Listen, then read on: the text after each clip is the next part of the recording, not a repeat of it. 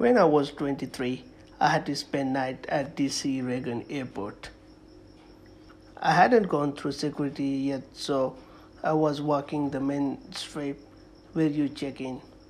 It was about 1 a.m., so there was no one there since the counters was closed.